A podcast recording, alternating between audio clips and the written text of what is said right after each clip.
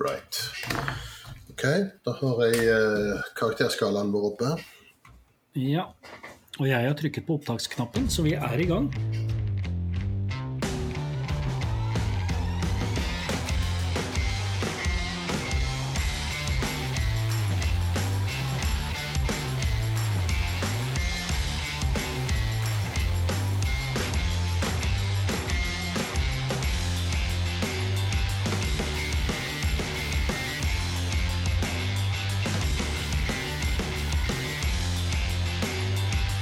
Ok, velkommen til eh, episode 34 av Malteprat.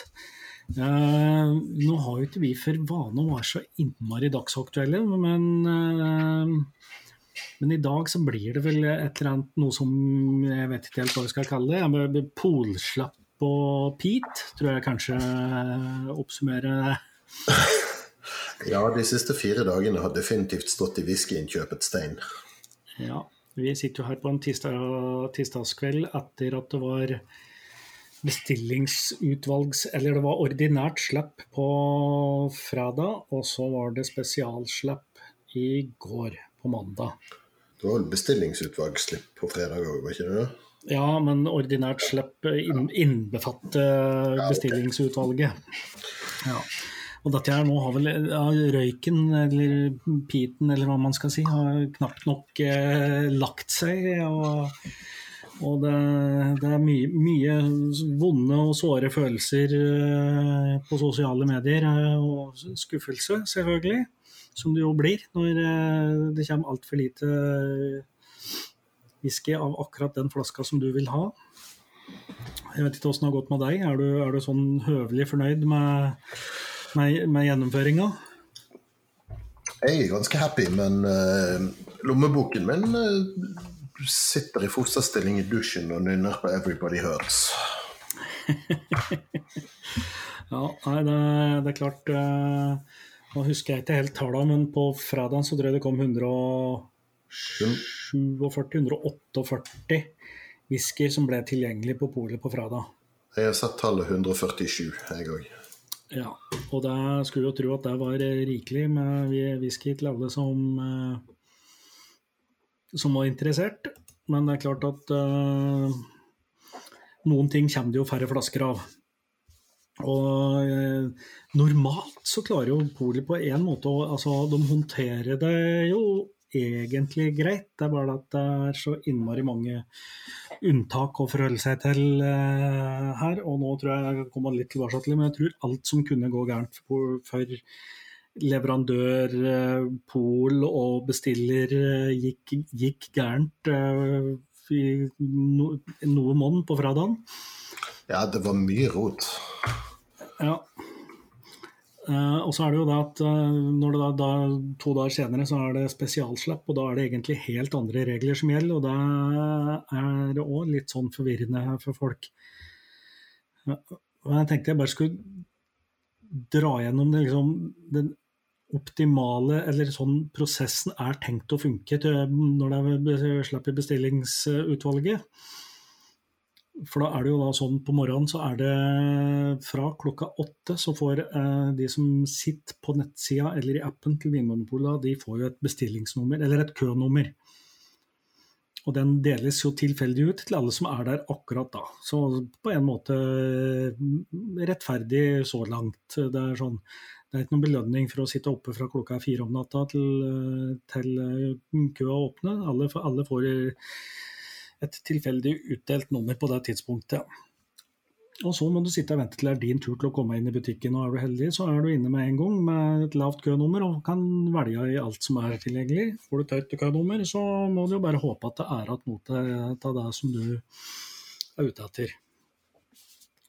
Men uansett, når du kommer inn, så er det jo, er det jo, handler det jo om å bestille de tinga som er der. Uh, og satte seg ned og vente på bekreftelser og leveringsbekreftelser. Uh, det er jo her spenningen begynner, selvfølgelig. Men i, i, når alt går som det skal, så får du en bekreftelsesmail, og om noen dager så får du en melding om at nå kan du enten hente på posten eller, eller i det polet du har vært og bestille flaska til.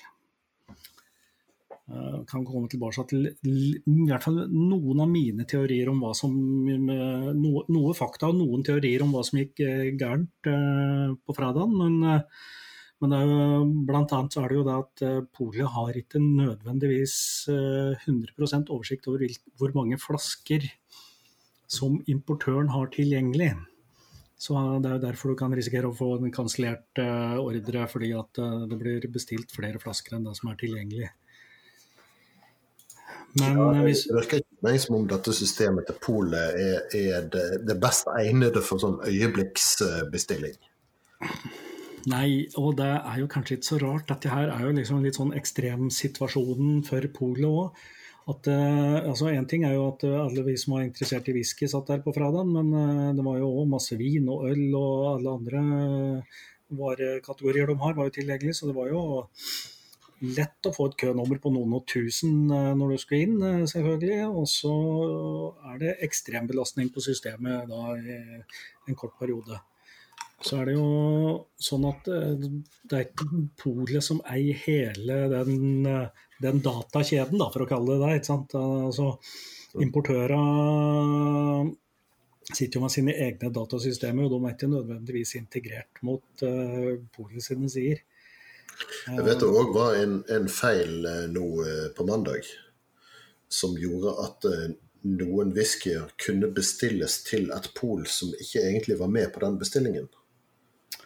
Ja, jeg, ja, jeg, jeg er usikker på om det kunne skje, eller om du fikk opp en advarsel i det du prøvde å betale om at det ikke gikk. Men ja, det, det, det er mulig at det var en feil der. men det ja, det, det er jo inni det system for spesialbe...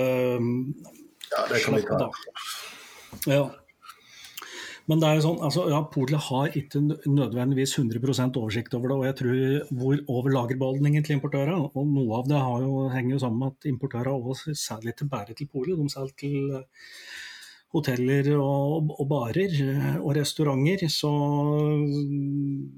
så de har, eh, de har, to veier ut av eh, lageret sitt. og har, det finnes, så vidt jeg, jeg tror ikke noen har noe direkteoverføring til polet av eh, lagerstatusen sin. Og så vet jeg ikke om polet er i stand til å ta imot lagerstatusen her. Mm. Hadde jo vært en fordel om det var sånn, selvfølgelig. ja. Eh, men det var jo enorme mengder med whisky som ble lansert på, for Norge på fredag. Som viser ja. på 147 forskjellige. Og det var vel Ja, hva var det nå i, på mandag? 40-50? Ja, jeg tror det var noe sånt da òg. Ja. Uh, så, så tett opp under 200 whiskyer, da kan vi anta. Ja. Uh, og litt av årsaken til det er jo, er jo koronasituasjonen så vidt jeg forstår.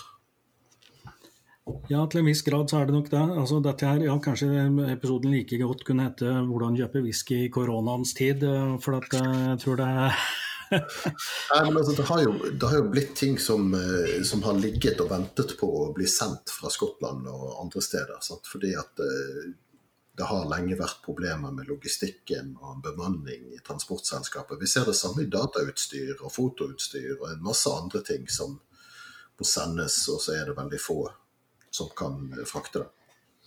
Ja, ja da, og vi vet jo i hvert fall noen ting var jo overliggere fra tidligere som skulle ha vært lansert tidligere. og Nå er det jo sånn uansett at novemberslippet er jo tradisjonelt sett det største slippet i året. Det er litt eh, sammenheng kanskje med jeg vet ikke om det er forberedelser til jul, eh, men det har òg tima eh, opp mot um, Oslo Whiskyfestival. Jeg pleier jo å være omtrent på samme tid, så det er en måte å få lansert uh, whisky på da, som um, for, for, det store, den store hop.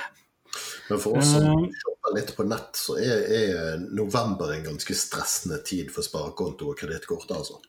Du har eh, novemberslippet på polet, du har Black Friday, du har singles, whatever it is. 11.11., altså i morgen i vårt tilfelle nå. Det, det, er masse sånne der salg og tilbud og ting som kommer og greier. Så det at eh, hvis du plotter en kurve med min personlige økonomi utover året, så er liksom den store kneiken det er november. Da blir de fleste julegaver kjøpt inn, og det, det bare Ja, kredittkortet går varmt. Ja, det er en, det er en, det er en tøff måned. Mm. Uh, uansett, da, ikke sant? stell deg i kø, ha gjerne varenummeret tilgjengelig. For det, det lønner seg å være rask her, selvfølgelig, når det endelig blir din tur. Bestill, betal og vent på kansellering. det, det er en ting som er verdt å ta med seg hvis, man er fersk i dette her eh, lanseringskuppforsøket. Og det, det, det, det nytter ikke å, å, ta vare på URL-en, altså adressen til hvert produkt du skal ha. fordi at eh, det der kønummersystemet til, til Polet det overstyrer jo det du har liggende av nettleserfaner med, med produkter. Ja, jeg kan avsløre at jeg har laga meg et lite uh, notepad uh, med, med varenummeret i, eller de URL-ene i, og så puncher jeg inn dem når jeg har kommet inn. Hvis jeg gjør det på maskin, uh, men gjør det på app, så blir det jo enda mer stress, for da må jeg lete opp de her mm. tapninga helt fra scratch. Ja. Polets webside har sine mangler, men du kan søke på varenummeret relativt enkelt. Ja. Og du, I noen tilfeller så kan du søke opp varenummeret og varen noen dager i forveien òg. Mm. Uh, du kan ikke ja. kjøpe det tidligere, men du kan iallfall få infosiden opp. Ja da, og derfor der, jeg tror um, Når Polet legger ut sine lister, så ligger faktisk varenummeret i lista, så du kan plukke det derfra. Mm. Uh, men så er det jo dette her med spesialslapp, som jo er en ekstremvariant av ordinære slapp. Det er polet som kjøper inn fra importører varer til eget lager. altså der, Her er det polet som eier hele varebeholdningen, og de distribuerer den ut til sine spesialpol. 80 stykker, og spredd over det ganske land. Det er riktignok bare ett pol i hele Nord-Norge som er inkludert, men så, så, der kan man jo si at det er urettferdig, men sånn er det. Og så er det I tillegg så finnes det som regel noen få flasker tilgjengelig for levering, ikke til pol, men på post på dør er vel valget. Jeg har hentet opp listen over det som, eh, hvordan ting blir fordelt nå. Eh, mm. Altså var. Uh, ja, skal vi si Aaron Quartercask, da, f.eks. Bare for å ta en av de det kom mest av. Der kom det totalt 96 flasker. Eh, der Aker Brygge i Oslo fikk tolv. Eh, Valkenovsgaten i Bergen fikk tolv. Hamar fikk seks. Sandnes Kvadrat fikk tolv. CC Vest i Oslo fikk tolv. Sandefjord fikk seks. Valentindyst, det er vel i Trondheim, fikk tolv. Eh, Tromsø-Langnes fikk tolv. Og så dette her er felleslageret for post på dør. Fikk òg tolv. Ja. Så det, det, er, det der felleslageret som hele landet deler på, de er ikke akkurat tilgodesett med de store mengdene. Nei. Nei, nå tror jeg også er det litt sånn Nå må jeg innrømme at jeg, dette har jeg ikke full kontroll på, men jeg, altså, hele greia med de der spesialslippene er jo at Poli kjøper inn noen At det skal være noe litt sånn kall det mer eksklusiv eller sjelden eller ikke så lett tilgjengelig vare tilgjengelig i noen av butikkene deres, som er da de her spesialpolene. Mm.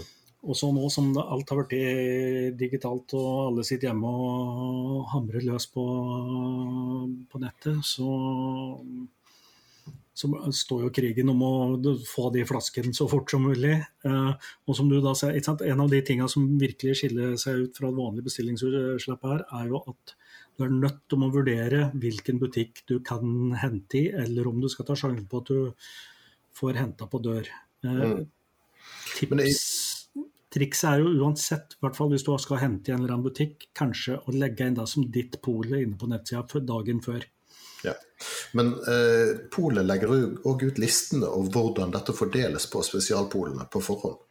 Ja, det lønner seg å følge med på Polet sine sider i forkant her. Det er jo det er masse informasjon å få om tapninger og hvordan de smaker og sånn på, på, Facebook. For det har jo blitt en ny greie at det, det, det, legges ut anmeldelser i forkant. Men, men akkurat uh, fordelinga og logistikken lønner seg å sette seg litt inn i. Mm. Uh, og noen flasker har jo kvotering, og det hadde vel nesten alle på slippet nå. Du får liksom, Det er én flaske per person. That's it.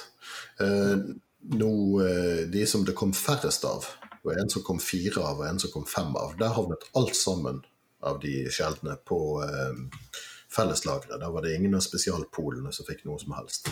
Ja, ja så er det. Og så er det også sånn at hvis du har lyst på flere ting, så her må, her må du prioritere. fordi at eh, hvis du bruker tid på å lete rundt etter flere flasker og putte med handlekurven din, så må du for det første være sikker på at alle befinner seg på det samme polet og er tilgjengelig der. Hvis ikke så blir hele, stopper hele utsjekkingsprosessen seg, og du må starte på nytt, eller begynne å slette ting. og ja, Pulsen øker og skal du ha det levert til forskjellige pol, så, så, må du dele det opp i forskjellige ordre, for å si det enkelt. Ja, jeg, vil, jeg ville foreslå at det faktisk lønner seg å, og dele opp i flere ordre nesten uansett. Ja, for det er sånn hvis, det, hvis du har én ting du sårt vil ha, kjøp den først, og så kjøper du nummer to, og så kjøper du nummer tre.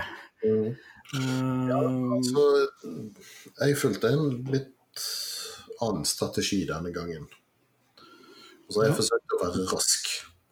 Og så gikk jeg på post eh, på dør på, eh, på liksom pri 2. Ja, ja, ja. Det betydde jo at da måtte jeg både på posten og på polet for å hente ting. Ja, nå hadde du, vet jeg jo at du hadde et du hadde jo et eh, vesentlig lavere eh, kønummer enn meg, eh, så, så, du hadde sånn sett litt mer luksus enn meg. Blodet pumpa, jeg gikk glipp av flere ting, og ting forsvant fra handlekurven på vei til utsjekk fordi at det var noen andre som òg drev og kjøpte den samme. og Det er jo det som er den store utfordringen her. Altså, særlig, altså, Hver enkelt butikk har kanskje en tre-fire flasker av noe. Mm. Uh, så er det lett å forestille seg at det er tolv personer som har en flaske av den i handlekurven på vei mot utsjekk. Det, ja. det blir eh, teknisk. Flere får beskjed om at de har bestilt den, men så får de avbestillingsmelding fra polet etterpå.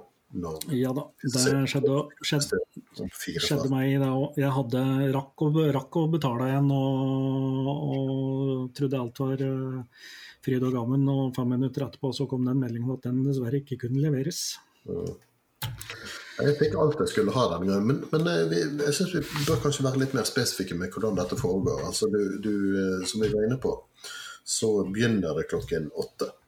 Og den som ja. er inne eller Det begynte vel egentlig fem over åtte, men, men i teorien klokken åtte. Alle som er inne på Jeg tror de sorterer køa fra ja, rundt fem over åtte, ja. Hmm. Eh, alle, alle, som er inne da, får tildelt et kønummer tilfeldig. Så å kalle det kønummer er kanskje litt, litt, feil, for det er bare delvis sant. Men så får du beskjed, så slipper de innpå i puljer etter dette nummeret. Og det kan, selv om du er på nett klokken åtte, så kan det ta en time før du faktisk slipper inn og får bestille. Ja. Eh, så, så det er der fordelen med å få et lavt nummer kommer. Og så er det jo òg sånn at det nummeret du får, det er i teorien gyldig i 15 minutter. Så når du slipper innpå, så har du 15 minutter på deg for å få gjort det du skal. Så du, det er ikke sånn at du slipper innpå, og så kan du sitte der og uh, somle og lete deg frem og bestille 18 ganger osv. Du må være kjapp og effektiv. Ja. Altså så er planlegging er, er essensielt her. Ja. Jeg mener jo at altså, det er litt sånn at du, det burde være en sånn eh, advarsel i forkant av dette. her, At du burde ikke egentlig begi det ut på en eh, bestilling på, mm, på verken bestillingsutvalgslapp eller eh, spesialutvalgslapp dersom du er god, ikke er ved god mental og fysisk helse. Mm. For det er, eh, det, er, det er, stress. Ja, men altså, det pussige er jo det at det er jo nettopp helseårsaker til at dette gjøres sånn. Fordi at pga. korona så kan de ikke ha folk som sover i sovepose utenfor polutsalgene i ukevis lenger. Nei, det har vært, det, sånn har det blitt. Eh, ja, nei, og det er jo, jeg tror jo at det er altså, blodbadet vi har vært vitne til nå, de siste to dager jeg, jeg, hørte på radioen i går, så var det en, en sak om at det var 500 eh, år siden blodbadet i Stockholm i, i går. Og da tenkte jeg ja, det, og i dag, dag, har det vært blodbad på polet. Men Det er jo nettopp det. Jeg har jo skjønt Én ting er at det er stigende whiskyinteresse til en viss grad i Norge, det må det jo være. Eh, men så er det òg det at eh, folk handler jo eh, ikke i Sverige, folk handler ikke på tur i Skottland. Og, og folk handler kanskje heller ikke like mye på auksjon og netthandel og for opphenting på hotellturer og i Sverige, sånn som vi har foreslått som gode strategier til å få tak i whisky før. Så nå er det nå sitter alle med Eller i hvert fall de som da fortsatt uh, har jobb, sitter med feite lommebøker som de ikke har fått brukt på noen ting, og tømmer polet for dyrere og dyrere whisky. Nei, jeg, jeg merker det òg. Jeg, pleier å dra til Skottland to ganger i året i alle fall og, og kjøpe en del whisky. Og så plutselig så um, sitter jeg her, og så har jeg eh, ikke bare det jeg vanligvis bruker av penger på whisky tilgjengelig, men jeg har også det jeg ellers ville brukt på eh, fly og taxi og mat og hotell og sånt. Så, så, sånn sett så har jeg i teorien et uh, høyere whiskybudsjett til hjemmebruk enn jeg ellers ville hatt. Det er iallfall det, det jeg forteller meg sjøl. Nå har vi prata så lenge uten å egentlig fått fuktet ganen. Jeg begynner å bli mm, tørr i munnen. Mm. Jeg, har, jeg, har, mer å si om, om spesialkjøp og, nei, spesialslipp og, og bestillingsutvalg, men uh, jeg tror vi må prøve å gå over til det som e egentlig skulle være tema i dag. Det var bare at jeg ble så innmari dagsaktuell at uh, Ja. Jeg kan jo avsløre at det jeg har i glasset nå, er noe som Jeg tror den faktisk fortsatt er tilgjengelig på polet, men den kom i hvert fall i det forrige spesialslappet. Så det er jo sånn at ikke alt ble revet ut ur hylla de første fem minutta ting er tilgjengelig på nettet. Ja, det ser ut som den er fremdeles tilgjengelig. Kan ja. i butikk med varen på lager. Kan ikke bestilles på post. Nei, og det er jo et eh, kjennetegn på ting som har kommet i, i spesialslappet. Hvilke butikker er det som har noe da? Mm. Bergen, eh, Sandefjord og Hamar. De har to stykker hver. Ja. Så kan vi jo si hva det er. Det er um, Peat Monster, en blended malt fra Kompassboks. Box. Eh, noen har beskyldt meg for å ha kjøpt en flaske her for at jeg syns den var så pen. Eh, de har delvis rett. Det er en stilig etikett på den, det er det jo. Ja, jeg syns det, det, det, er et pent monster på den etiketten. Er jo, vi har jo hatt noe kompassboks tidligere. Ja, vi, hadde, jo, vi gjorde en episode om blended malts. Eh, der vi hadde itter, for jeg husker vi i farten hva vi smakte derfra, da, men uh, godt var det uansett. Uh, dette her er jo da en malt, blended malt, som sagt, med uh, stort sett Ayla-whisky. Uh, Lafroig og Kalila tror jeg det var. Det fins eksakte oppskrifter på dette, her, eller eksakte andeler. Ligger inne på nettsida til Kompassboks. Den har jeg ikke slått opp. Uh, og så er den Ikke til å oppgi bestanddelene i eh, blendene sine. Ja. På et eller annet tidspunkt så ga de opp, oppga de alder på hver enkelt komponent, men har fått litt smekk på fingeren for, for det. De har vel egentlig prøvd å utfordre um, reguleringa til Scotch Whisky Association og, og mene at det er til kundens beste å vite mest mulig om produktet, men akkurat det med alder har de måttet bøye av på, da, foreløpig. Var det ikke Compass Box som i protest lanserte en blend av noe gamle, dyre, fancy uh, whiskyer, og så hadde de en dråpe tre år gammel whisky oppi? Og lanserte denne som en treåring med verdens største tretall på etiketten. Ja, det er helt riktig. Det er en av de flaskene jeg fortsatt har på ønskelista. Ja, den har jeg jo litt på, fordi at det er en sånn gigantic piss take. Mm. Og sikkert en veldig god whisky. Men som en, eh, altså, denne her er jo et slags eksempel på eh, en trøst li som ikke fikk handla på spesialslippet nå. For jeg har plukka opp den her lenge etter at støvet hadde lagt seg etter forrige spesialslapp, men bare tenkte at dette er, eh, det er jo interessant å, å, plukke med seg. Og, og, og ja, den kommer jo ikke i voldsomt mange eksemplarer til Norge NRL, men uh, typisk en av de da som ble oversett. Og der er det jo masse av fortsatt, ikke sant? Ta det som kom nå på mandag nå, som står i hyllen, men kanskje ikke det som var mest hypa og mest Nei, da... folk ønska seg mest. Jeg kan jo avsløre at jeg fikk jo ikke alt jeg skulle ha eller ønska meg. Og jeg fikk meg ikke den tingen jeg ønska meg aller mest. Så mm, jeg sitter her uten uh, Springbank Local Barley. Mm. Kjenner jeg deg, Som så veldig mange andre. er du sikkert aktiv på en del uh, auksjoner og den slags? Ja, jeg har eh, av en eller annen slags lojalitet til dette mm, systemet med vinmonopol og importører. Har egentlig alltid venta til de kjapt blir lansert i Norge, men uh, det gikk ikke denne gangen her. Det kom jo bare 30 flasker til Norge, og der var det, mm, det var for lite. Ja, Var det ikke disse det skulle komme 60 av? Ja, det skulle egentlig komme 60, men da hadde det vært for lite da òg. Så ja. Så det, det er flere skuffa enn lykkelige mennesker, eh, kanskje, for, for øyeblikket. Mm. Men hva syns vi om Pete Monster, da, Are?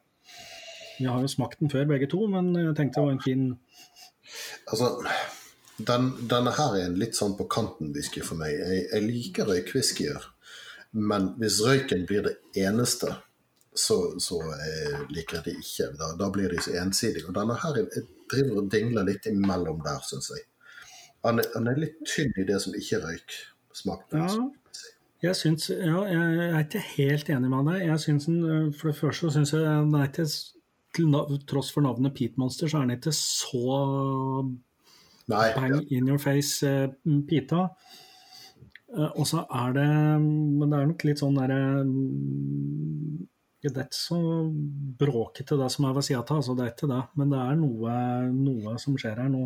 Ja da. Noe det, det er fruktighet. Eh. har noe mer. Vi bør kanskje si at dette er fjerde utgave av Beat Monster. Det finnes jo flere. Ja, fourth edition.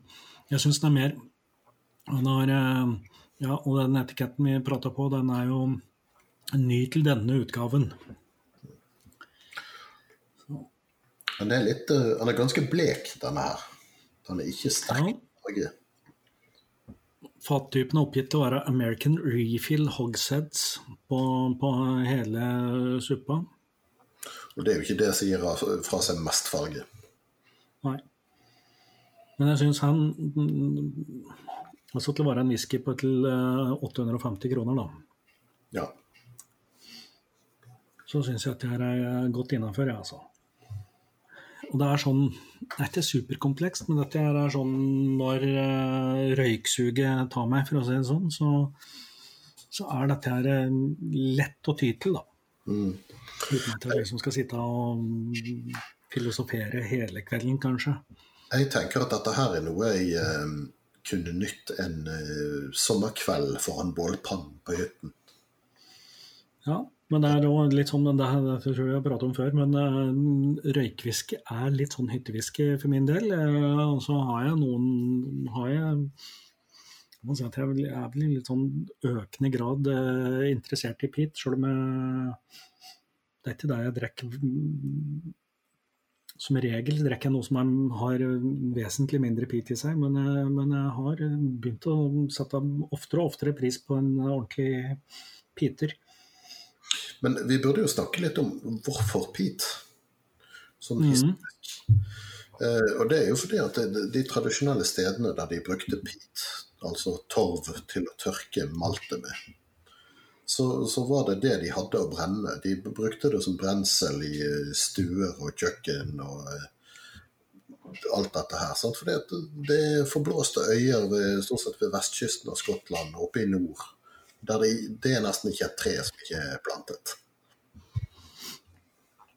Ja, nei, det, ja, det, det, det er jo ikke, det er ikke i utgangspunktet gjort for å sette smak på, på whiskyen. Det var mer eh, Det er jo en grunn til at de på Island har, eh, har saueskit røyket whisky. Så.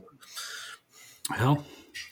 Jeg leste da var faktisk nå i dag en eller annen, eh, et eller annet innlegg, det var vel på Facebook da, som alt mulig annet, eh, om norsk røyka malt. en eller annen plass i Trøndelag der de drev med Og jeg må innrømme at da husker jeg så få detaljer av det at jeg Men det var i forbindelse med noen norske destillerier der noen hadde drevet prøvd å komme og finne ut hvordan den gammeldagse røyka malten i Trøndelag var. Og der blir den røyka over ved. Eller tør, ja, ikke sant, de tørka den over ved. Eh, så det blir jo spennende å se om noen kommer med noe norsk whisky med det preget.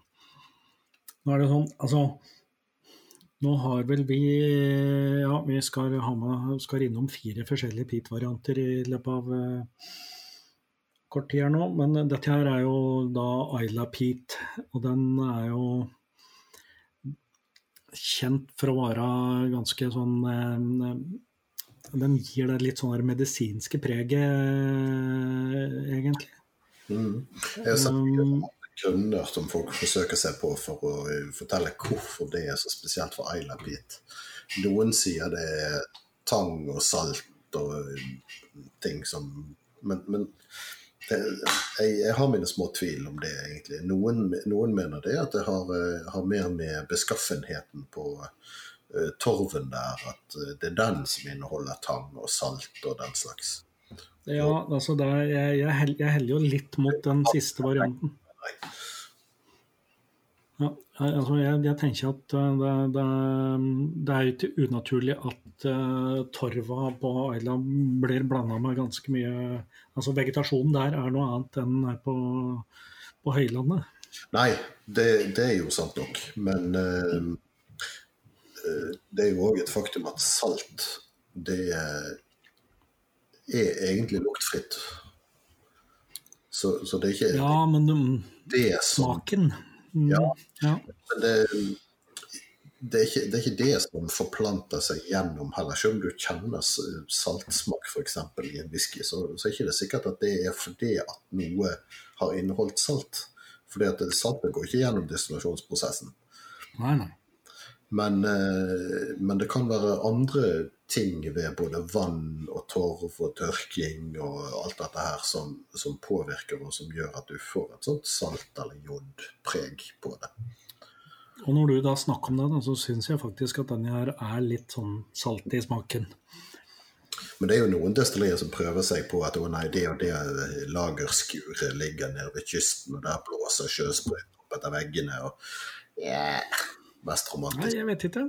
Nei, det er, det er, men, men, likevel, da, like fullt, noe som vi kommer til å komme tilbake til i en annen episode, er jo Pultney, som er et sånt uh, destilleri som ligger midt i en eller annen sjøsprøyt, og som, som, kaller seg Hva er det de kaller seg? Det er, ja, de, et eller annet uh, havorientert. Det husker jeg ikke akkurat nå, men greia er at en av kjennetegnene med dem er jo at, at, de er litt sånn saltaktige i smaken hva det kommer av. Det er jo åpent for tolkning, men eh, ja. Mm. Skal, eh, skal, jeg ta og bare rappe opp uh, litt om, der, uh, som, hva, om, alt som gikk gærent på fredagen? Ja. Uh, det er sikkert folk lurer så innmari mye på det, men Dette var da 147 whiskyer, ikke spesialslipper. Ja. Da er det, ikke sant? Og da, det var vel spesielt da ting fra Springbank som øyensynlig har blitt ekstremt ettertrakta de senere åra. Eh, folk har prata om det i rosende ordelag og skriver flotte anmeldelser på blogger og i det hele tatt. Eh, I hvert fall så er folk interessert i dette her.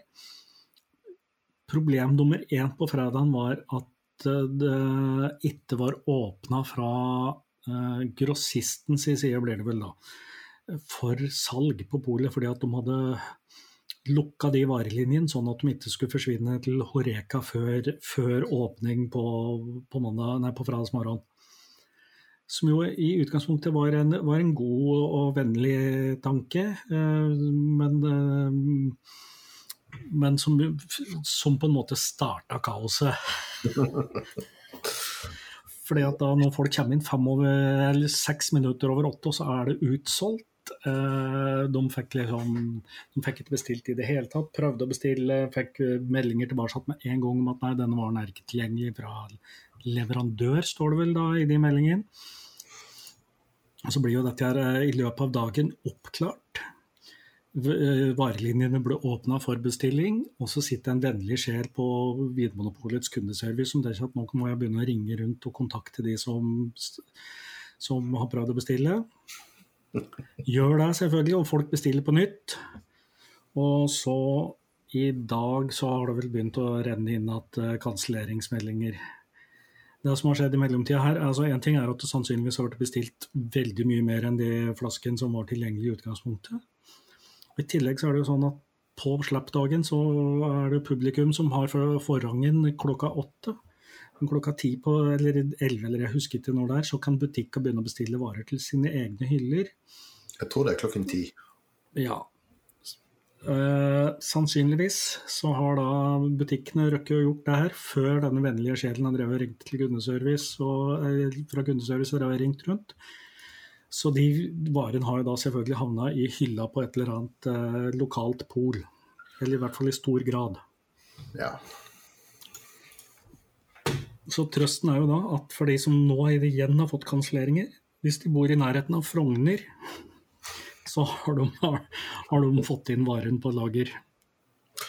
ja, jeg sjekket tidligere i dag. Da var det 21 flasker av eh, Springbank 12 eh, single Nei, kaskstrengt. cask. Ja. Ja. Og det er jo, og det, men dette her skjer jo for så vidt egentlig nesten hver eneste gang det er slapp. Det er bare ikke så mange som er obs på det. Men selv om det er liksom mer enn de der få flaskene med Springbank, så hender det seg at ting blir utsolgt, for, utsolgt på lanseringsdagen. Det betyr ikke at varen aldri blir å få tak i igjen. fordi at eh, hvis den er utsolgt pga. at en butikk har bestilt den til seg, så forsvinner den rett og slett fra nettbutikken før den blir tilgjengelig igjen i hylla på det aktuelle polet. Det kan ta en uke. Mm. Det er vi, så holde et lite øye med diverse pol og eh, varenummer eh, Ja. i dagene og ukene etter eh, et slipp. Hvis det er noe ja, det er rett og slett sånn, altså Selv om du har gått glipp av den, så, så kan, kan fort, relativt ofte dukke opp igjen. For de, mest salgbare varene er jo også butikker interessert i å ha i hyllene sine. Så når de får lov til å bestille, så går jo de inn og, og fyller opp når det er doms, endelig er deres tur i køen.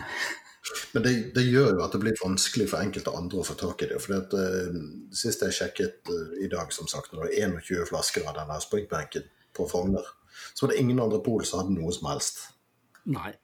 Og det er klart, altså, det, da kan du jo si at den butikken burde, burde tenkt at uh, i lojalitet med andre butikker bestiller jeg bare en kasse, f.eks., i stedet for de fire kassene de hadde bestilt, eller hvor mange det var. Ja, det kan man òg si om privatpersoner. Eh,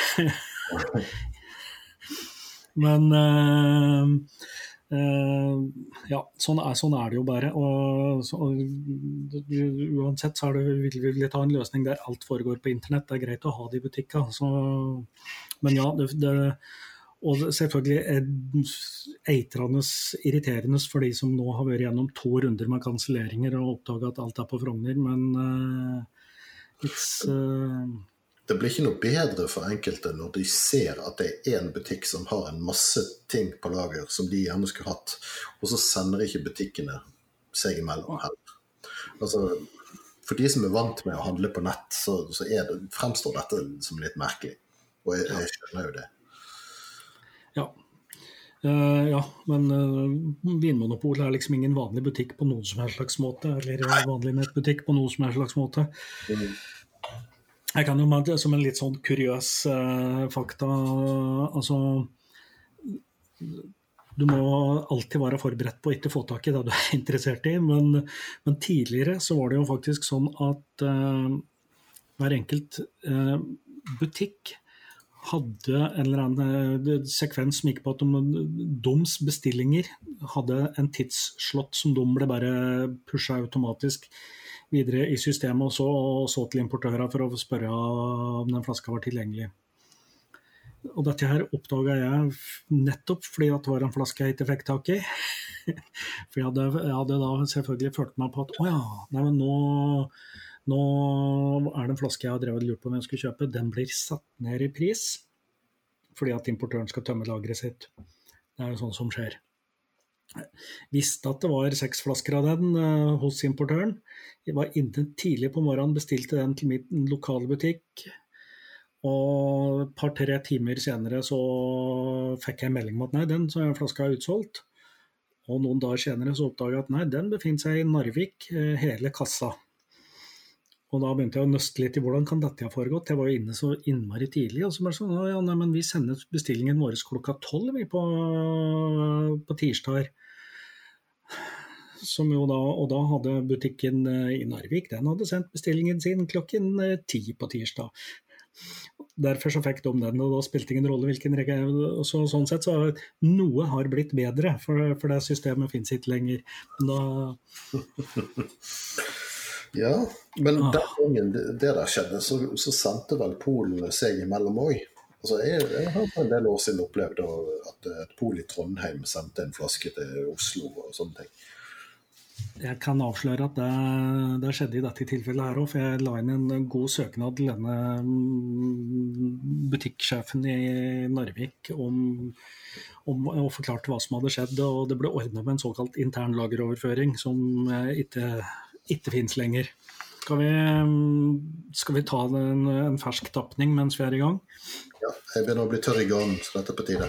Denne har jeg gledet meg til helt siden i går. ja, hva skal vi si om dette, da? Denne her er 18 år gammel. Ja. Den, har, eh, den er en miks av ting som har ligget på forskjellige typer fat. Det er 25% bourbonkask, 20% romkask og 55% sherry. Og det er produsert 4300 flasker av den. Og da vet vel alle hva det er snakk om? Selvfølgelig. Dette er 2020-utgaven eh, av Longrow 18, som ble lansert i ja, jeg vet ikke hvor mange flasker som kom igjen, det var kanskje 60. Jeg klarte i hvert fall å ja, dette kan jeg kjapt uh, sjekke. Longrow 18 kom i 60 flasker, ja. Hvilken pol var det du kjøpte på, sa du? Jeg kjøpte på CC Vest i går. CC Vest fikk seks stykker. Ja. Eh, dette Post på dør-lageret i hele Norge fikk elleve, og det var det som fikk mest. Ja. Den er vel fort utsolgt den nå, nå tror jeg, men uh, ja, ja, Men denne her er jo riktig fin på nesen, da. Ja, dette her, altså Longrow 18 er jo altså, ja, Den jeg ikke fikk i går, Local Barley, er jo Der ligger liksom på min, min årlige innkjøpsliste, den årlige Local Barley-tapningen må jeg ha. Mm. Jeg vil gjerne òg ha den årlige Longrow 18 og så den årlige Springbank 10, og så er jeg egentlig er jeg som regel fornøyd, jeg. Og ja, det, det, er ikke sikkert alle vet det, men Longrow er jo basically uh, Springback sin pitede versjon. Ja, den er dobbeltdestillert og har vel uh, i utgangspunktet ca. 55 ppm i, i malten. Mm, akkurat det samme som uh, f.eks.? Ja. Og tørka altså, og, og, og, og, piten de bruker til å tørke med, er av og til så er den eh, søkkblaut fordi det har regna et par dager før de skal sette i gang. Eh, altså, ja, det, det, det, er, det er store, store, variasjoner i, i, i batcha deres, egentlig før de har lagt den på fat, til og med. Men dette her er noe de... Så mikser, de mikser med fata sine fra årgang til årgang. Dette er noe de fortalte meg når jeg besøkte Beaumont på Eila. Et av de destilleriene som fremdeles, akkurat som eh, Springbank, eh, piter sin egen malt og tørker sin egen malt. Og De fortalte det at litt av årsaken til at det var så forskjellige peat-nivå før i tiden, før alt ble datastyrt og kontrollert der, det var jo det at jo, det rommet der de, eh, der de piter maltet, der det er som en sånn tynne gliper i gulvet, og så fyrer de opp eh, torven under der, og så leder mm. de gjennom gulvet for å tørke maltet. Eh, av og til hadde det regnet, så maltet var ekstra vått. Ja. Så det er eh, ja. Mm. Og så var det store luker i taket som Så av og til regnet det mer. Og det tok mye ja. tid å tørke det, og dermed så fikk det mer røyk. Men ja, skal vi se. Altså, årets den ja, Det er ikke så ofte de har romfat i miksen, men uh, Springbank eller Longrove bruker, har jo tilgang på det fra Cadenhead. Så uh, det dukker opp da når man romfat inn i, inn i miksen deres. De hadde jo en Longrove 18 for tre-fire år siden som var bare romfat, faktisk, tror jeg. Men som regel så er det, det er hovedsakelig sherryfat. Men de blander litt bourbon og litt port og hva som er for hånden. Altså Nå er vi jo over på en av mine kjepphester, og det er kombinasjonen sødme og røyk. Og det er jo det du får. Sherryfat, og til en viss grad òg romfat. Eh, og så er det jo som sagt en del peat. Og i tillegg så, så, liker jeg det at du får gjerne en mer kompleks smak. Du får mer dybde eller spenn i smaken hvis du mikser eller har en uh, fat finish. Altså hvis du begynner med bourbonfat, og så lar det ligge på, eh, på sherryfat en stund, eller noe sånt. Noe sånt. Jeg, jeg syns det gir en veldig fin dybde i smaken veldig ofte. Eh, vi har jo diskutert bourbon mot sherry, men det, det, har stort sett vært ren, full 100% lagring på det ene eller det andre. Og jeg er veldig glad i sherrybomber òg, men, men, det har en tendens til å bli litt grann ensidig hvis det er altfor mye sherry. Hvis det er bare sherrysødme og ingenting annet. Sant? Ja, den bidrar i hvert fall med litt mer sånn eh, et, et, større orkester som spiller, på en måte. Jeg syns også her, Denne pitten her er jo ikke-medisinsk. Liksom. Her er det ikke folk til den grad. Det mer sånn um, Mer myrtorvaktig, et eller annet sånn lyng, kanskje. Altså, denne her er litt oljete og skitten. Altså. på en god måte. Det, det er en litt sånn sjarmerende ja. røffhet over den. Ja, det var sånn at jeg nesten syntes den så skitten ut når jeg så den på flaska, men det er litt sånn, det er litt forventningen man, man har når man skal drikke eh, long row. Det er jo ja, skitten uh, sherry er vel litt sånn en knagg å henge long row 18 på. Lysbrun eller noe sånt, kanskje. Altså, dette, dette, er sånn klassisk whiskyfarge. Ikke, ikke kjempemørk, men sånn, sånn som så du tenker når noen sier whisky, så er dette omtrent den brunfargen. Mm. Oh. Nå må 46% burde vi kanskje si. Ja. Jeg, jeg tror ikke jeg sa prosenten på Beatmonster eller når du sa det. Den var òg 46. Mm, men det her er eh, altså Det er ikke, den bålgreia. Det er mer um, altså, Røyk og pit er jo ikke nødvendigvis uh, den samme noten, da, men uh, det, det, det, her er det mer torv og ikke bål, som det kanskje er uh, på Aila. Mm. Men jeg, jeg, tenker egentlig på, på sånn røkt mat, altså røkt eh, skinke f.eks., eller eh, noe, noe ja. der omkring. For du, du, får denne der eh, Han er nesten tyggete i feelingen, sant? Mm. Ja. Og så er det, særlig i ettersmaken, så er det en litt sånn der fruktsødme um, som liksom tar over. Mm. Jeg tenkte på en, på en ting som jeg ville sammenligne dette med egentlig med en av de vi skal smake på, eh, på seinere, men jeg får litt av det samme med denne her. Det er denne klassiske. Jeg har noensinne forsøkt å ta eh, en daddel, store, fine dadler, og så surrer du de i bacon, og så steiker du de. Da, da får du liksom den der eh, fin sødme og salt og røyk fra bacon. Ja. Ja, Når jeg studerte i London, så bodde jeg det første året nede i gaten fra et baconrøkeri. Og du tror ikke sånt finnes midt i London sentrum, men det gjør det, altså. Ja, men uh, blir du, det er nesten sånn skal tro du, du ble immun mot uh, Det er nesten som å bo ved siden av toglinja. Du merker til, hører til toget til slutt. Hvis jeg blir immun mot bacon, så skyt meg. Ja. Nei, dette her er jo vesentlig mer komplekst enn da vi satt og drakk i stad. Han er ikke så mye dyrere heller. Uh, er den ikke nesten dobbelt så dyr? Er den det? Det så ikke sånn ut på, på den Whiskybase-siden jeg hadde oppe nå, i alle fall. Og på Vinmonopolets regneark så står det ja, 1500 eh, kroner. Ja. Og den andre var 800 et eller annet. Ja. Ok, blir han en del dyrere. Ja. Men eh, ja, ja. Jeg vil si det var vel anvendte penger. Jeg syns den er mye bedre enn den forrige. At det, ja, det, det, altså, denne her går det an å sitte og tenke litt over og gruble litt på. Og, og mm. Ja, det er en, eh, det er en tenkewhisky. Mens den andre er litt mer sånn eh, OK, det er eh, den, den, har kvaliteter, åpenbart, men den er liksom ikke, det, det er ikke noe som du synker ned i og blir borte resten av kvelden.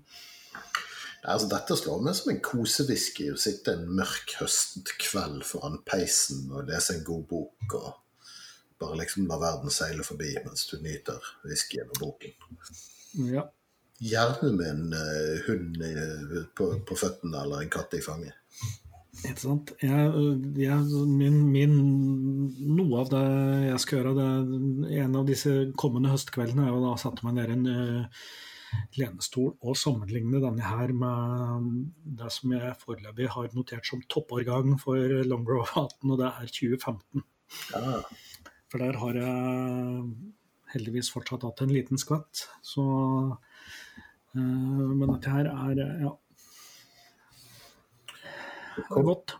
Det kom en Longrow i fjor, tror jeg det var, som jeg eh, ble veldig glad i. Jeg kjøpte to flasker av den, og den den ene forsvant på rekordtid. Uh, ja, det var, uh, det var den singelkask 11-åringen, Ja. Å, den var god. Ja. Yes. Da tok du, meg, tok du, meg, jo egentlig rett inn på en av disse artige unntakene fra bestillingsutvalget. Mm. For å liksom dra, dra, dra dette tilbake til foredraget om hvordan handle whisky på polet. Fordi at den whiskyen var jo innkjøpt på et uh, anbud av polet. Så den var det ikke importøren som hadde på lager, den uh, hadde polet kjøpt hele fatet av og distribuert ut i butikkene sine. Litt sånn som de gjør på spesialutvalget, men til et mye større antall butikker. Mm. Ja, så når da Den dagen når da dette her ble sluppet, og folk gikk inn for å handle, så fikk de ikke kjøpt den fordi den sto i butikken. Mm. Uh, det samme var vel uh, jeg, tror ikke, jeg har ikke fått med meg at det var noe problem for noen, men uh, det, det, samme skjedde jo nå på, på fredag med en del norsk whisky. Ja. Myken kom med en tapning, og Jordleid kom med en tapning. Og søren, det var jo enda en norsk en som Bivrost kom med en i bestillingsutvalget. Den ble utsolgt med en gang, men de som da gikk til eh, Ja, jo, jo, selvfølgelig. Det var um, Norske Brenneri. Um, hadde en kvadruppel, et eller annet. Jeg husker ikke hva den serien het. Ja. Um, de er innkjøpt av polet og står i hyllen til butikka. Der må den bestilles. Ja. Nok om meg. Nå tror jeg jeg prata nok om hvordan kjøpe whisky på polet. Altså, eh, alle som ikke har fått det de ville ha, har, har min største sympati. Men, eh, men, eh, det er i hvert fall bedre at det er noe tilgjengelig. enn Ingenting. Det finnes jo muligheter hvis du har gjort deg penger. For det at Bifrost sin første whisky har jeg sett på auksjon til Eh, jeg tror han hadde fått noen og 60 bud, og den lå når jeg så, så det, på 2200 pund for en halvlitersflaske. Hva er den koste i butikken? Under tusenlappen eller noe sånt? Ja, den kosta kanskje omtrent tusenlappen. Altså, jeg tror den var litt, han var, han var prisa litt høyt eller høyt, ja. Fordi at det var en førsteutgave som jo er spennende og interessant på alle mulige måter. Men eh, nei, jeg vet ikke. Det, når, når prisa blir sånn, så er det, det, det, er jo en slags investering som noen Jeg vet ikke, jeg. Eller samling. Eh. Hvorfor har et norsk whiskymerke som aldri har laget whisky før, plutselig blitt så populært at de henter inn den slags priser? Nei, men De klarte å gjøre noe, de gjorde noe morsomt med eh, Var det de 20 første flaskene sine? som de nummererte og lagde trekasser på, og solgte på auksjon sjøl. Mm.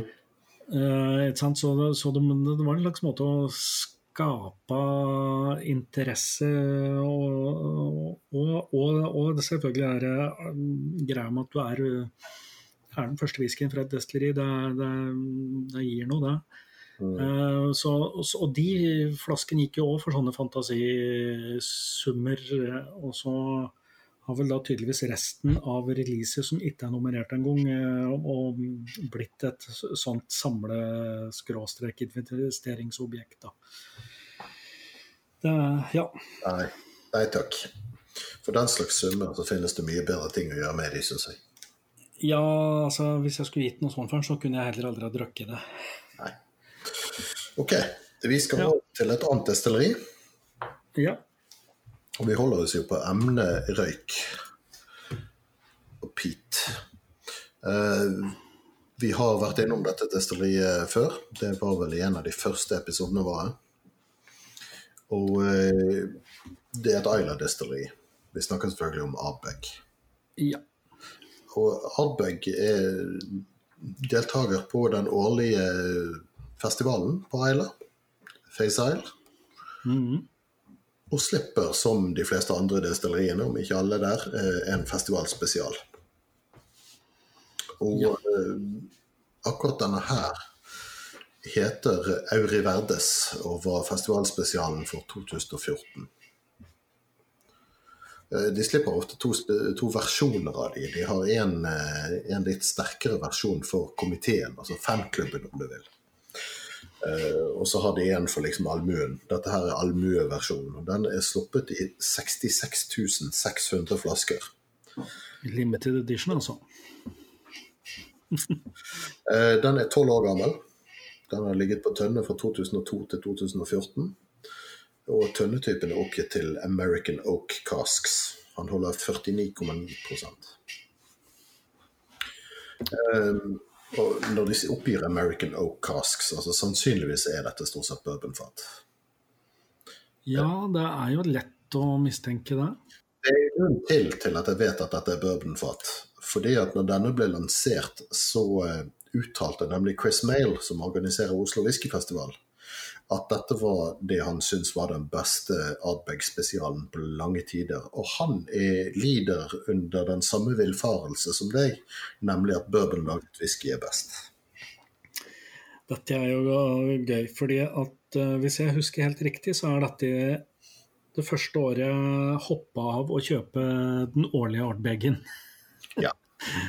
Fordi ja, jeg smakte den og tenkte nei, det er ikke så nøye. Og siden så har jeg ikke kjøpt noen av de som har kommet etterpå.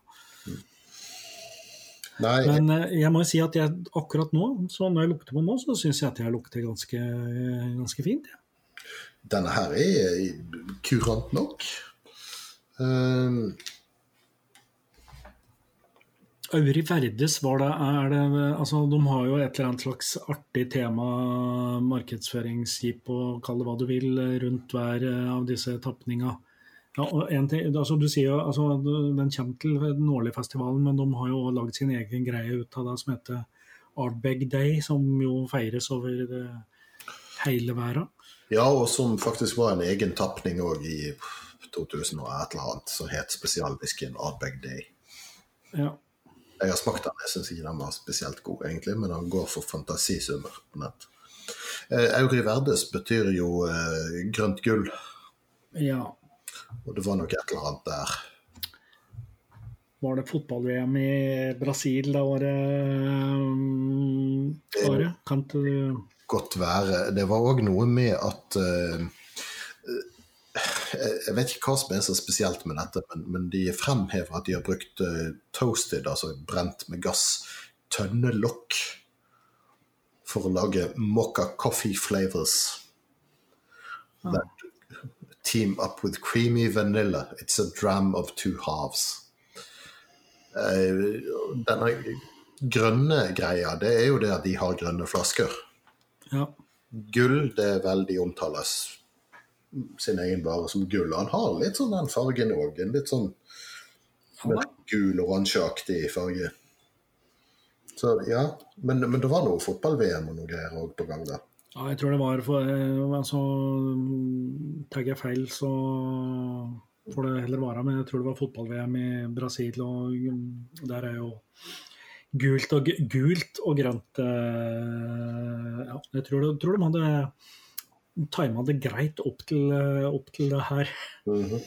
Men altså, for å illustrere Ardbeg-hypen på disse festivaltapningene mm. 2014 jeg, jeg, var vel på Aila året før, i 2013, tror jeg. For jeg fikk, eh, jeg fikk en bursdagsgave til, av mine foreldre. Det var en tur til Aila med de og kona.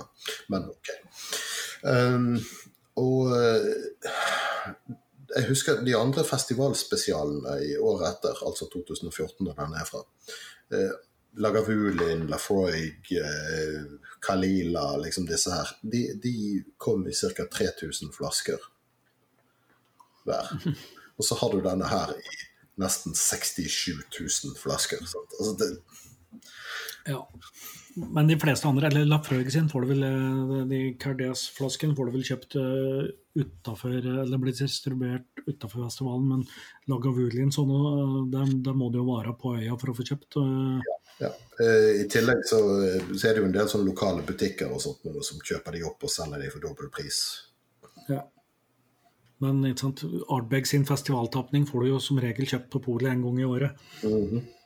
Ja. Det lukter faktisk ja, det lukter bourbonfat. Eh, om det er Mokka coffee, det har jeg ikke, jeg kan ikke påstå at jeg kjenner, men Ja, altså jeg kjøpte jo nettopp eh, bl.a. en del tønnelokk fra Skottland. Mm. De var jo alle sammen svidd på innsiden, så jeg, jeg, vet ikke helt hva som er så veldig spesielt med at de svir de tønnelokkene, for å være ærlig, men OK. Ja, men det kan hende de er ekstra hardt brente da, på et eller annet vis. Ja, og så en annen så... spesial som heter alligator. Den, den hadde de brukt tønner som var så hardt svidd på innsiden at uh, treet begynte å se ut som alligatorskinn. Mm. Jeg syns det lukta kanskje litt bedre enn det smakte, skal jeg, hvis jeg skal uh...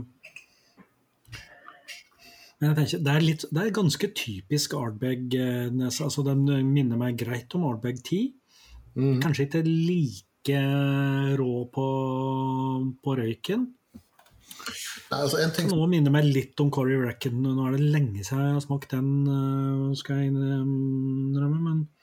Ja, altså En ting som er typisk for Ardbeg, er at hvis du klarer å skrelle vekk den der uh, piten altså det, Akkurat som Longrose er dette peatete 55 ppm. Så, så, har du sitrusnoter. Og det finner jeg veldig mm. godt i denne. Det den klassiske Ardbeg-sitrusen. Mm. Men uh, i likhet med deg så var nok dette den som startet meg på å falle av Ardbeg-toget. Den som virkelig gjorde at jeg fikk nok, det var Perpetuum. Den jubileumsgreia. De ja, den hadde du med en flaske på i Ardbeg-episoden. ja. Den har vi snakket om før, og eh, den, den syns jeg var såpass traurig at jeg bare gadd ikke mer. Jeg smaker jo på dem, men jeg kjøper ikke noen flaske lenger. Nei. Nei, jeg har ikke smakt heller, faktisk, siden perpetuum, tror jeg. Eller det hadde, jeg, har dødd helt da. Men jeg, det, det, jeg drikker fortsatt Ardbeg, men da, da, blir det Ardbeg 10. Det blir uh, Corey Reckon har jeg flasket av som jeg liksom gruer meg til å åpne på den, fordi at jeg vet jeg kommer til å tømme den. uh, kjøpte nylig We Beastie, den femåringen. Ja. Uh, syns den var OK. Altså, den var, den var, bra til å være fem år. Eh, kommer til å kjøpe Ardbeg 10 neste gang. Ja, det er akkurat det. Skal jeg kjøpe Ardbeg, så, så, går jeg for, eh, for uh, Uggedal, som er en av mine favoritter uansett. Eh, skal jeg ha en bog standard Ardbeg, så kjøper jeg Ardbeg 10. Eh, prisforskjellen ned til Wee Beastie er Jo da, det er en bra femåring, men prisforskjellen er ikke verdt det, syns jeg. Altså det nei, kjøper noe bedre når jeg først er i gang. Nei, men det er klart, altså, og det er jo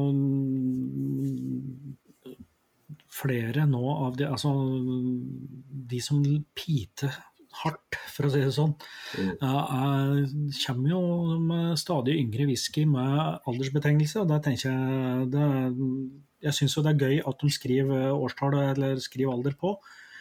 Uh, Istedenfor å Og så er det egentlig morsomt med Ardbeg, som jo bare har tiåringen som sin egentlig med aldersbetegnelse. Alt annet har alltid vært i nas, men nå når de går ned i fem år, mm. da setter de på alderen. Det syns jeg, jeg, faktisk er ålreit. Og så er det noe med de unge peatwhiskene, for de, de, som er ordentlige peatheads, så funker det. Mm. Ja, altså, jeg kjenner folk som foretrekker unge whiskyer fremfor litt eldre. Altså Folk som foretrekker eh, Lagavulin 8 fremfor Lagavulin 16, eller WeBeastie fremfor Ardbeg 10. Ja. Og det er helt greit for meg. Jeg er ikke enig, men, men helt greit. Men, uh, ja. men Ardbeg mm. hadde jo en, en uh, veldig populær 17-åring som en del av sitt standardutvalg for lenge siden. Og jeg vet det er mange som håper på å få den tilbake, at de skal lansere den på nytt etter hvert som de begynner å få opp lagerbeholdningen av gammel nok whisky. Ja, jeg vet ikke. De, de, de, har jo hatt såpass suksess med alle de eh, tapningene sine. Nå har det jo det dukka opp eh, Det har jo kommet flere Anoa, er det en som heter òg. Jeg har ikke smakt den, men det, det er, det, de har liksom økt eh, standardsortimentet sitt med stadig flere NAS-fisker, så jeg vet ikke om de har så veldig mye på, på lager, rett og slett. For det, det selger jo som hakka møkk. Ja. Uh, Anno er på, for meg litt sånn midt imellom whisky. Altså litt, litt sånn midt imellom uh, Corey Reckon og Ukedal. Uh, mm. Jeg ser ikke helt poenget med den. Men den hadde en genial reklame. Der beboerne i Aila går mann av huset for, for, den nye Ardbagen. Og den ene sier 'It's an Ardbag', og den andre sier 'Anno'.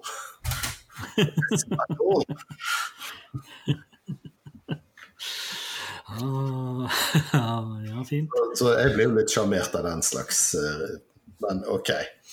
Jeg har vanligvis ingen, ingen, som helst sympati når det gjelder reklame, men, eh, men, akkurat den der var jo litt søt. Men apropos mm. søt, skal vi over på den neste Ardbeggen, kanskje? Ja, jeg tenker jeg kan passe. Ja. Dette er spesialen fra året før, 2013. Og dette er pussig nok den jeg syns er best av spesialene til sammenligning, den er det laget 13 000 flasker av. Der den forrige var nesten 67 000. Så det, at de, de oppdaget et eller annet rundt om da. Ja, det, ja det, det, kan tyde på det. Ja. Dette er en miks av eh, tidligere bourbon-tønner og eh, manzanilla sherry-tønner. Dette er jo den siste som jeg òg kjøpte sjøl, og jeg tror jeg hadde to flasker av den. Eh, jeg ville trodd sånn tradisjonelt at dette er mer etter min smak enn din smak, men, eh, men ja. 52,1 eh, holder den. Ja. Manzanilla er jo Jeg vet ikke Jeg har, ikke, jeg har egentlig ikke noe begrepsapparat ja, som gjør at jeg tenker at og, Eller jeg syns ofte det er vanskelig å skille sherryfat fra hverandre, bortsett fra at okay, PX er ofte litt søtere, mer klissete kanskje. men ja, altså Pedro Jimenez, eller PX, den er jo sånn nesten svart og flytende sirup. Eh, greier. Så det er en veldig sånn tjukk Sånn i utgangspunktet. Eh, det finnes noen lysere lettere sherryer av den òg som er ment til å drikkes, men, men sånn PX som man eh, hiver i, i sherryfat for, for, å lage whisky med, den, den, er jo egentlig ikke ment for å drikkes. Den er jo, det er jo fatproduksjon de driver med. Sa du navnet på tapningen? Eh, nei, det gjorde jeg kanskje ikke. Eh, Adbeg er veldig glad i ordspill. Så denne her heter det selvfølgelig Adbog. Bog, ja. Som er myrtorv, altså Ja. Tor torvmyr. Ja, dette er da liksom På dagen så inviterte de folk til å komme og spa opp flasker med Adbeg som de hadde gravd ned på forhånd. Og, ja da. Mm. Jeg synes det er mye mer kompleks eh, på, på, nesa enn eh, en Øvre Værhusen. Mm. Det er litt sånn Uten at det var eh, planlagt fra året siden, så er liksom forskjellen mellom Pete Monster og Longrove er litt sånn som forskjellen på Øvrig Verdes og Ardbog. Ja, så satt jeg og myste på internett for å lese hva som står på etiketten, og så glemte jeg at jeg har jo flasken stående rett ved siden av meg her. Men ja, den, den her er litt, litt Uggedal-lignende i stilen, syns jeg. Han, det, det, er en veldig klar sødme og, og røyk sammen. Ja. Han er ganske mørk på farge. Dette er vel ja, jeg, Han er vel mørkere enn Longrowen òg, tror jeg. Ja, det, ja, det vil jeg påstå. Mm. Uh, nei, men, men den er litt sånn uh, Ja. Det er noe kompleksitet her. Det, det som er mitt ankepunkt, da, ofte mot Uggedel, er at den får litt den der gummi, svidde gummipreget. Mm -hmm.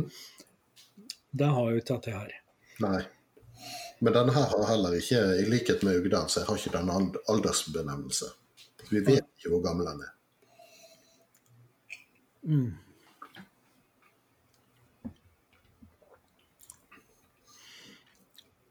Ja.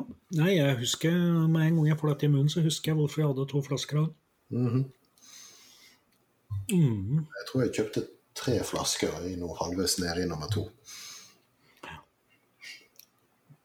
Men det, det, som var, eh, så Én ting var jo at jeg, jeg mm, mista litt interessen for det der hypinga, men hype, hype fører ofte til høyere pris. Ja. Og det var liksom det, det, har liksom begynt å skru seg Det begynte på et tidspunkt her å skru seg til. Det hadde sikkert gjort det en stund allerede, men, men det, for meg så nådde, nådde, jeg et eller annet punkt der jeg Nei. Uh, ja. Ja, altså fra 2013 til 2014 så det ble det nesten fem Nei, det ble over fem ganger så mange flasker i spesialutgaven deres. Ja. Det er klart. Og, og den ble neppe billigere. Nei, samtidig som den nok ble billigere for de å produsere, fordi at, uh, rett og slett fordi at gamle bourbontønner er billigere i innkjøp enn uh, gamle sherrytønnere. Ja. Nå vet vi jo ikke hvor mye sherry butts som har gått inn i miksen her, da, men uh, det, er jo, det, er jo, merkbart i hvert fall. Mm. Mm. Og så den der tørre, tørre røyken, altså hele, hele denne whiskyen her er ganske tørr. Mm. Du kjenner det på tungen og bak i halsen når du svelger at den er mm. Ja, men uh, at det litt sånn deprimerende Nei, deprimerende, men litt sånn uh, reality-sjekk om problemer med bestillingsutvalget og, og spesialslipp og, og, skuffelser over ting man ikke får kjøpt, så syns jeg jo vi, vi, klarte å ta oss inn igjen med, med, noe godt i glasset. Ja da, det, det hjelper det. Skal vi rangere sakene òg, kanskje? Jeg syns jo det. Mm. Uh, skal vi se Jeg skal skylle munnen min litt, og så skal vi vel um, ta en liten kjapp recap, da. Jeg går tilbake til Pete Monster og nå finner jeg mye mer i den enn jeg gjorde i utgangspunktet. altså. Tok av lokket og Ja, men Den er litt sånn men han, han, han, lukter litt yngre enn det han gjorde ved første møte òg. Ja, ja den, den, er eh, Det er ikke mye gammel whisky her. Eh, vi, jeg tror ikke jeg sa det i stad, men eh, vi sa Lafroig og Kalila hovedsakelig. Men det er en bitte liten andel med noe UD, uspesifisert Highland-målt i nå. Ja, det tror jeg. Som antagelig ikke er røyka. Mm.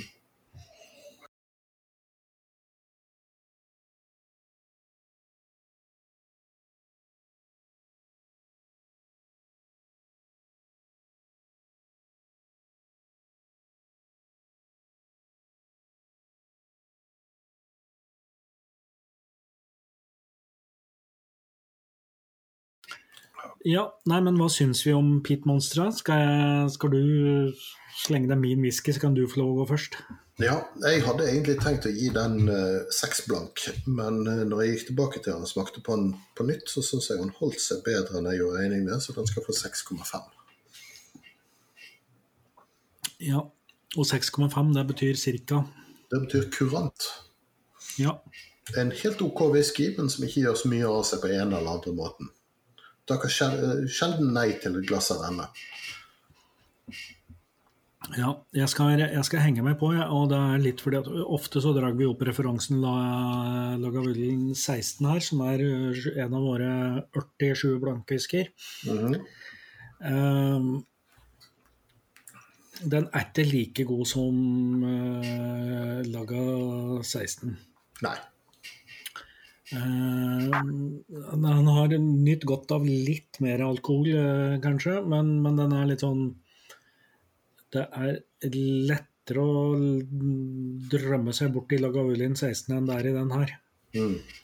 Så jeg henger med meg på 6,5. Mm. Ja, da er jo snittet ganske enkelt å regne ut, vil jeg påstå. Ja. Eh, Longrow 18. Den likte jeg så godt at den faktisk forsvant. Det kan se mer. ja. Nei, altså jeg har jo en hel flaske her, så Ja, heller du på? Gjennom, ja. gjennom backkamera eller gjennom skjermen? Nei, ehm, Nei, jeg satte heldigvis karakter på den. mhm, Jeg satte heldigvis karakter på den mens jeg hadde noe igjen i glasset. ja. Se om du tipper karakteren, da. Eh, Beskrivelsen er ohoi, dette var saker. Et klart høydepunkt som skiller seg ut fra mengden i nesten enhver smaking. Det er 7,5. Nei, Nei, det er 8,5. 8,5. Ja, jeg sitter jo fortsatt bare og ser på Jøsses ball. Ja, det var det må jeg si. Jeg er jo enig. Det er, eh, og så jeg, jeg jeg skal faktisk ligge Jeg skal ligge en, et halvt poeng eh, under deg. Jeg skal ligge på åtte. Dette er jo helt uhørt. Det er, tror jeg er første gangen eh, du har uh... På en Springbank-produsert whisky? Ja. Men det, dette her, altså ja, I forrige episode så drakk vi jo noe Glenn uh, Rothes, eh, Mm. som jeg mente var sovla. Denne her, nå som jeg kommer tilbake til på, han balanserer helt på kanten. Han er, for det skitne preget er, er på vei dit, men det, det det, det bikker meg ikke over. Altså, jeg, jeg Jeg ser hva du mener. Det lukter litt gamle dekk. Ja, men jeg skal jeg, Dette her er jo ei flaske jeg skal fly følge med på litt framover. Nå er den jo nyspretta, og jeg vet at uh, Longrow og Springbank ofte har godt av å få litt luft i flaska si før de ligger. Men uh, Stakkars deg som blir nødt til å drikke ned litt i flasken for å gi den mer luft. Uff, da. ja, men nå har jeg jo delt litt med deg. Jeg, skal, jeg kan innrømme at jeg har sendt en uh, vennlig tanke til en annen kompis òg, så han har fått en uh, sample òg. Ja, ja. Uh, Så du gir deg åtte blank? Ja, jeg gir den åtte blank. Jeg, jeg, altså, ja, jeg, jeg, gleder meg fortsatt til å prøve den jeg er opp mot min eh, favorittårgang i 2015, som, som er ren, skitten sherry, men uh, dette her uh... Ren, skitten sherry. OK. ja. Pure filth. Yes. Mm. Jo da. Mm. Mm. Ja da. Det er jo god, øh, lang ettersmak, og det er jo, det er jo sånn som jeg kjenner det. Ja.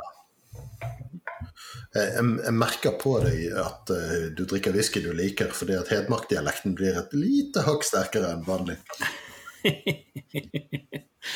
Ja, det, det er klart. Når den, øh, når den trives. Ja. Så var det Adbeg Auri Verdes. Ja. Skal du forbi? Ja, men altså, en sånn uh, artig kommentar, holdt på å artig, uh, nødvendig kommentar, er jo at teoretisk samme type PPM i Malte ved destillering. Nå var riktignok Longrow 18, den er 18 år, denne her var, mente du at var ca. 12? Var det, Mhm. mm, Den er beregnet til 12. De er ikke oppgitt 12, men de er oppgitt når den er destillert og når den er tappet.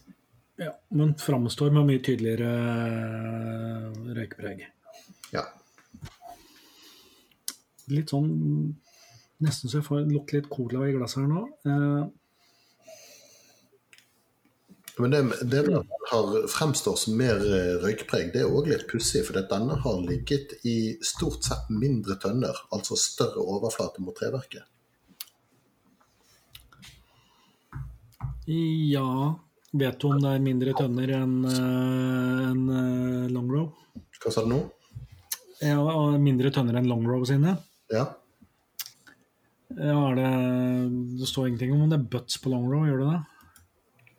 ja, det er vel sannsynligvis det, hvis det er sherry det er snakk om. Det er jæskla mye sherry hogsheads i omløp inne på lagra i Campbelltown. Ja, det er kanskje det. Mm.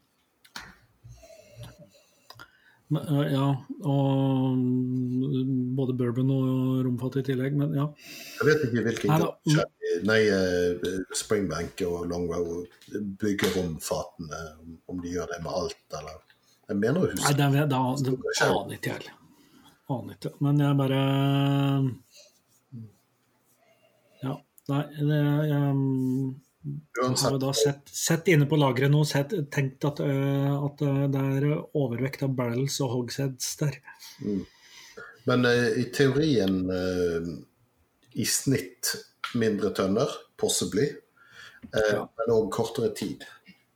Ja. Så det kan slå begge veier. Ja, og så er det, men jeg syns jo ofte at altså Piten fra mm, egentlig alle de tunge pitera fra Aila er jo, er jo heftigere enn eh, longrow-piten. Ja. Henter Longrow Men- sin fra fastlandet? Ja, Jeg tror det. eh, jeg vet ikke hvor den kommer fra, faktisk, men det er ikke, det er ikke Isla pit. Eh, ja, den skal jeg gå først nå, da. Mhm. Det er litt sånn Som sagt, det, det overraska meg med å være bedre enn jeg huska det. Uh, skulle jo bare mangle på sånn om jeg huska eksakt hvordan ting smakte for seks år siden. Eh, den er jo jeg, Og jeg vil heller ha, ha en flaske av denne her enn av Pete Monster eh, neste gang jeg skal åpne en ny flaske. Så jeg legger den på sju blanke. Ja. Men da er vi faktisk helt enige.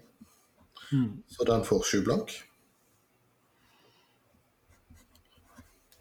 Og da er jeg ganske sikker på at jeg ikke syntes eh, for seks år siden. Mm.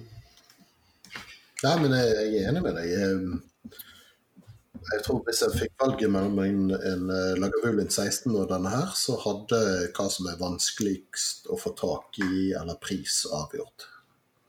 Ja. Ja, nei, og så er det som jeg, vi ville ha diskutert tidligere, det er, det, er, det er lett å velge bort Lagavulin 16 fordi den er så jæskla tilgjengelig. Så jeg, jeg har i hvert fall en tendens til å gå for å nei, dette har jeg ikke smakt før, eller den, dette er noe annet, og det er ikke så ofte å se i hylla. Eh, Jeg skal snart ta grep, men det må bli på nyåret. Ja, jeg, får inn litt rapporter som ad omveier om at enkelte lokale pol sliter med å få tak i nok Lagavulin. Ja, ja, det, ja, men det kan jo godt hende at eh, det der òg er eh, begrensninger. Skal vi se, da er jeg, Nå sitter jeg med nesa langt ned i Ardbog igjen. Mm. Og der var et veldig eh, hyggelig Dette er ikke gjensyn, dette gjen, gjensmak er jo ikke noe ord, men eller jo, det ble det nå. Men det er noe litt rart her, for jeg får nesten et sånn rødvinsviff. Men det er ikke rødvinsfat i miksen. Nei, men det er, altså, det er jo det som Jeg vet ikke om det kan ha noe med manzanillafat altså, er, Det er jo sånn som Det er ikke det vanligste sherryfatet, da. Det Nei. er sånn som du ofte setter på etiketten hvis du har brukt det, Mm. tror jeg. At du liksom skryter litt av det, eller eh, gjør noe ut av det. Uh, Ja, det er vel i hovedsak fire forskjellige typer sherry. Dette er ikke den som er mest brukt. nei. Og jeg syns han, eh, han er eh, tørr og god og har eh, en god del kompleksitet. Jeg, jeg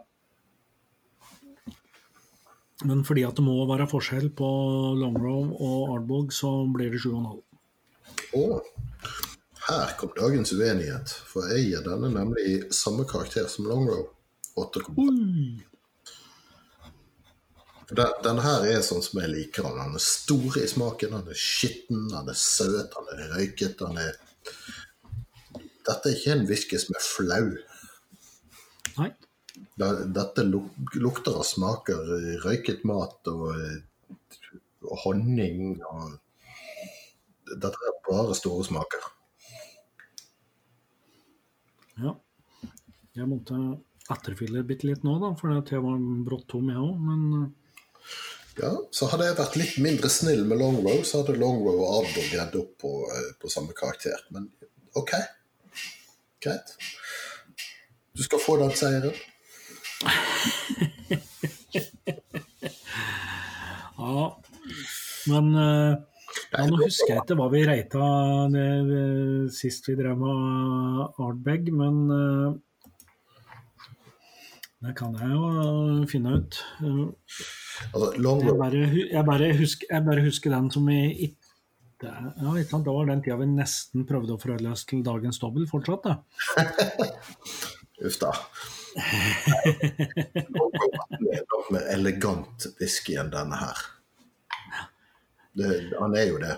Longo 18 er li, litt grann mer stillferdig, kanskje, men, men eh, mer raffinert. Ja, er, jeg tenker det er litt, litt mer eh, kompleksitet. eh, og- Har du lyst til å vite hva du ga Uggedell i episode seks? Tipper 8,5. Åtte blank. Ja, ja. Ja ja. Uh, nei, vi, har, vi, har vi en konklusjon nå? Røyk kan være godt. Røyk, ja da. Når røyksuget melder seg, så er det godt. Eh, Så Nei, skal, vi har, har vi noe trøstens ord til alle de som ikke har fått det de skulle ha? Nei, vi er, vi er ferdig med det. vet du. Det er, jo, det er fortsatt masse whisky att på polet da, etter, det etter slappet, så det er jo fortsatt mulig å finne noe godt. Ja, hvis han som redigerer denne episoden er litt kjapp i vendingen, så, eh, så kan det jo hende noen hører han og får en idé om at hei, nå kan jeg hive meg rundt og bestille noe godt. Ja, eh, jeg har ingen eh, anbefalinger, men jeg tror det finnes, finnes at eh, egentlig ting i de fleste kategorier her, altså. Det bare, du må bare ikke henge deg opp i at du skal ha en billig Kalila 25 eller en eh, masse whisky fra Campbelltown. Nei, altså det var en ting jeg tenkte å nevne tidligere som, som jeg kom på. og det, det er at Når det slippes 150-200 whiskyer på fire dager, så blir det vanskelig å holde oversikten. Det, det blir vanskelig å finne ut hva er det jeg skal ha, hva skal jeg ikke ha. For du har bare et sånt, så stort budsjett, og så plutselig er feltet enormt mye større enn det du vant til. Enden på visa er jo da at det er ikke all whiskyen som du ellers ville bestilt, som du bestiller. Hvis det er sånn for alle, så betyr det at tilgjengeligheten vil være bedre over tid. Ja, jeg vil tro det. Jeg tror det fins ja, Jeg vet det fins Aaron tilgjengelig foreløpig fortsatt. Eh, Det fins Kilkerran, som er ting som jeg bryr meg om. Kilhoman tror jeg det fortsatt er noe av. Hm? Kilomen hadde vel to stykker i lanseringen. Aaron òg, for den saks skyld. Ja, da, ja, det kom masse Aaron, faktisk. Eh, fordi at eh, der, har, eh, der kom det vel nesten et helt års med leveranser eh, som kom til relansering nå. Og så kommer det jo òg et nytt slipp i begynnelsen av desember. Ja, da, men da er det ikke et, et vanlig slipp. Da er vi tilbake på enda en ny variant. Da er det verken bestillingsutvalg eh, eller spesialslipp. Da er det ting som blir gjort tilgjengelig i tilleggsutvalget. Ja, Det betyr at du vil, kan finne en whisky Jeg tror du vil finne whiskyen på nettsida, uh, men, uh, men du må gå i butikken og få butikken til å bestille den inn til seg som en del av tilleggsutvalget. Eller håpe at du har en butikk som, eh, nær deg som, som er på alerten og fyller opp hyllene med, med nyheter. Mm. Og sånn, så kommer det nye ting i desember, og dette kommer vi vel forhåpentligvis tilbake til. Det kan tenkes.